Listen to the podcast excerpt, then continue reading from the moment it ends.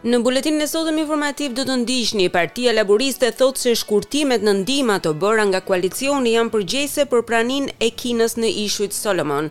Presidenti i Ukrainës thotë se suksesi që ka korrur vendi i tij ndaj trupave ruse do ta detyrojë Kremlinin të ulet në tryezën e bisedimeve. Në sport, Maqedonia e Veriut mund Italinë. Italia jashtë kampionatit botëror. Fillojmë gjerësisht me lajmet. New South Wales ka regjistruar nëntëmbëdhjetë mijë e tetëqind e dyzet e tre raste të reja me Covid nëntëmbëdhjetë dhe katër vdekje. Aktualisht, në spital gjenden një mijë e njëqind e shtatëdhjetë e shtatë persona, dyzet e katër prej tyre në terapi intensive. Numri i infeksioneve është ulur, pesëdhjetë e nëntë pikë dy përqind e banorëve të këtij shteti tani kanë marrë tre doza të vaksinës. Në Victoria, nëntë persona kanë humbur jetën, ndërkohë që ky shtet ka regjistruar tetë mijë e treqind e dyzet e nëntë infeksione të reja me Covid nëntëmbëdhjetë. Dyqind e pesëdhjetë persona me Covid janë aktualisht në spital. Në Tasmani ka një mijë e gjashtëqind e nëntëdhjetë e pesë raste të reja. Partia Laburiste thotë se shkurtimet që i ka bërë koalicioni ndihmave të huaja janë pjesërisht përgjegjëse për planet e Kinës, të cilat përfshijnë rritjen e pranisë së saj ushtarake në Ishujt Solomon. Një draft dokument i zbuluar sugjeron se anijet kineze do të vendoseshin në Paqësor dhe se Kina do të kishte një bazë ushtarake më pak se dy mijë kilometra larg brigjeve të Australisë. Udhëheqësi i Partisë Laburiste, Anthony Albanese, thotë se do të informohet të hënën nga agjencitë e sigurisë kombëtare mbi këtë zhvillim të fundit, i cili, tha ai, është vërtet shqetësues.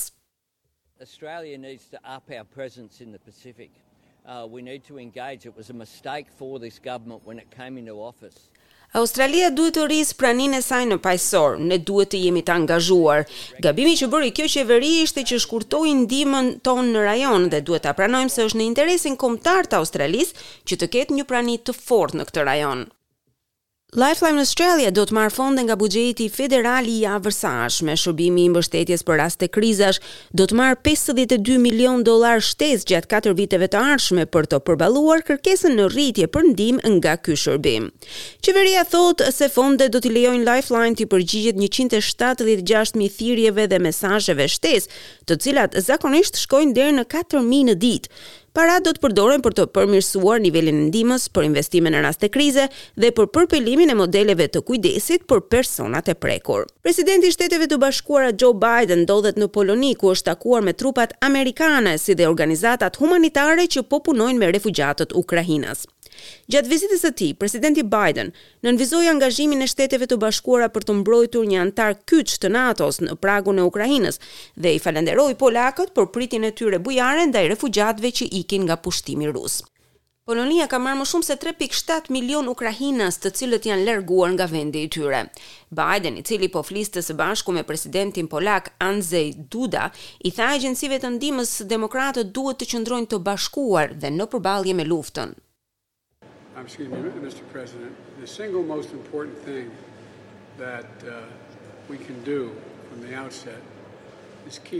Zoti President, gjëja e vetme dhe më e rëndësishme që mund të bëjmë është që të mbajmë demokracitë të bashkuara, të bashkojmë përpjekjet tona për të kufizuar shkatërrimin që po ndodh nga duart e një njeriu që, sinqerisht, mendoj se është kriminel lufte.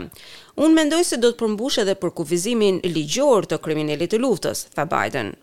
Presidentja e Komisionit Europian, Ursula von Leyen, thotë se një partneritet me Shtetet e Bashkuara për të reduktuar varësinë e Europës nga energjia ruse, si dhe për të ndërprerë miliarda dollarët që Kremlini merr nga shitja e karburantit ishte i paprecedent. Duke folur në ditën e dytë të një samiti të Këshillit të Bashkimit Europian në Bruksel, zonja von Leyen thotë se si pjesë e partneritetit të shpallur së bashku me Presidentin e Shteteve të Bashkuara Joe Biden, Të dyja palët kanë rënë dakord për të përshpejtuar kalimin në energjinë e gjelbër. This morning President Biden and I agreed on an unprecedented partnership. Këtë mëngjes, Presidenti Biden dhe unë ramë dakord për këtë partneritet pa precedent për të përshpejtuar realisht tranzicionin e gjelbër. Si hap i parë, Shtetet e Bashkuara do t'i sigurojnë Bashkimit Europian të paktën pesëmbëdhjetë miliardë metra kub gaz natyror të lëngshëm deri në vitin dy mijë e njëzet e dy, duke zvendësuar sasinë e gazit rus për vitin. Në vitet e ardhshme, pesëdhjetë miliardë metra kub do të zvendësojnë një të tretën e të gjitha furnizimeve me gaz rus në Europë. Në të njëjtën kohë, ata do të përpiqen edhe të mbajnë objektivat e tyre klimatike në rrugën e duhur për të fuqizuar infrastrukturën e gazit me energji të pastër, si dhe për të reduktuar rrjedhjet e metanit që mund të përkeqësojnë ngrohjen globale. Presidenti i Ukrainës, Vlodimir Zelensky të premten pohoi se trupat ukrainase kanë arritur të kontrollojnë ushtrinë ruse, duke detyruar Kremlinin të marrë në konsideratë negociatat.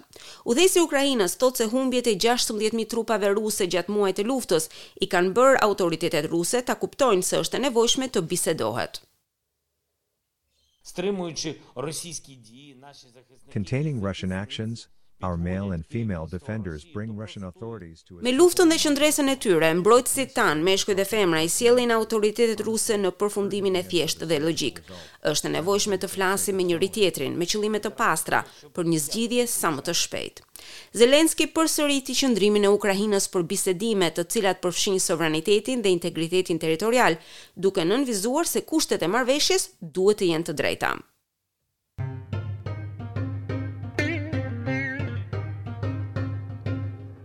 Dhe kalojmë tani në kursin e këmbimit të valutës australiane. Një dollar australian sot këmbehet me tetëdhjetë e tre pikë katër lekë shqiptare, gjashtëdhjetë e tetë centë euro, shtatëdhjetë e pesë centë dollar amerikan dhe dyzet e dy denarë të Maqedonisë së Veriut.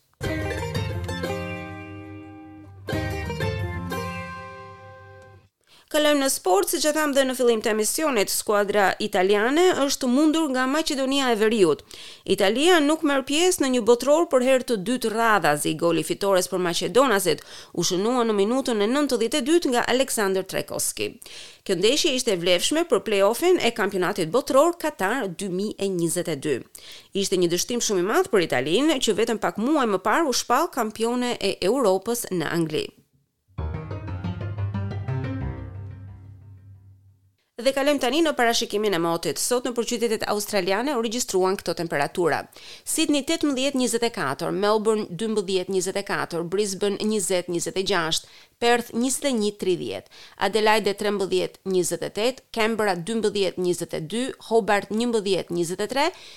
dhe Darwin njëzet e pesë, tridhjetë e tre gradë Celsius. Për nesër, Byroja e Parashikimit të Motit sjell këto temperatura, Sidni tetëmbëdhjetë, njëzet e katër, Melburn katërmbëdhjetë, njëzet e tetë, Brisben njëzet, njëzet e gjashtë, Perth nëntëmbëdhjetë, njëzet e tetë, Adelajde shtatëmbëdhjetë, tridhjetë, Kanberra njëmbëdhjetë, njëzet e tre, Hobart trembëdhjetë, njëzet e katër dhe Darwin njëzet e pesë, tridhjetë e tre gradë Celsius. Ndoqët edicionin informativ.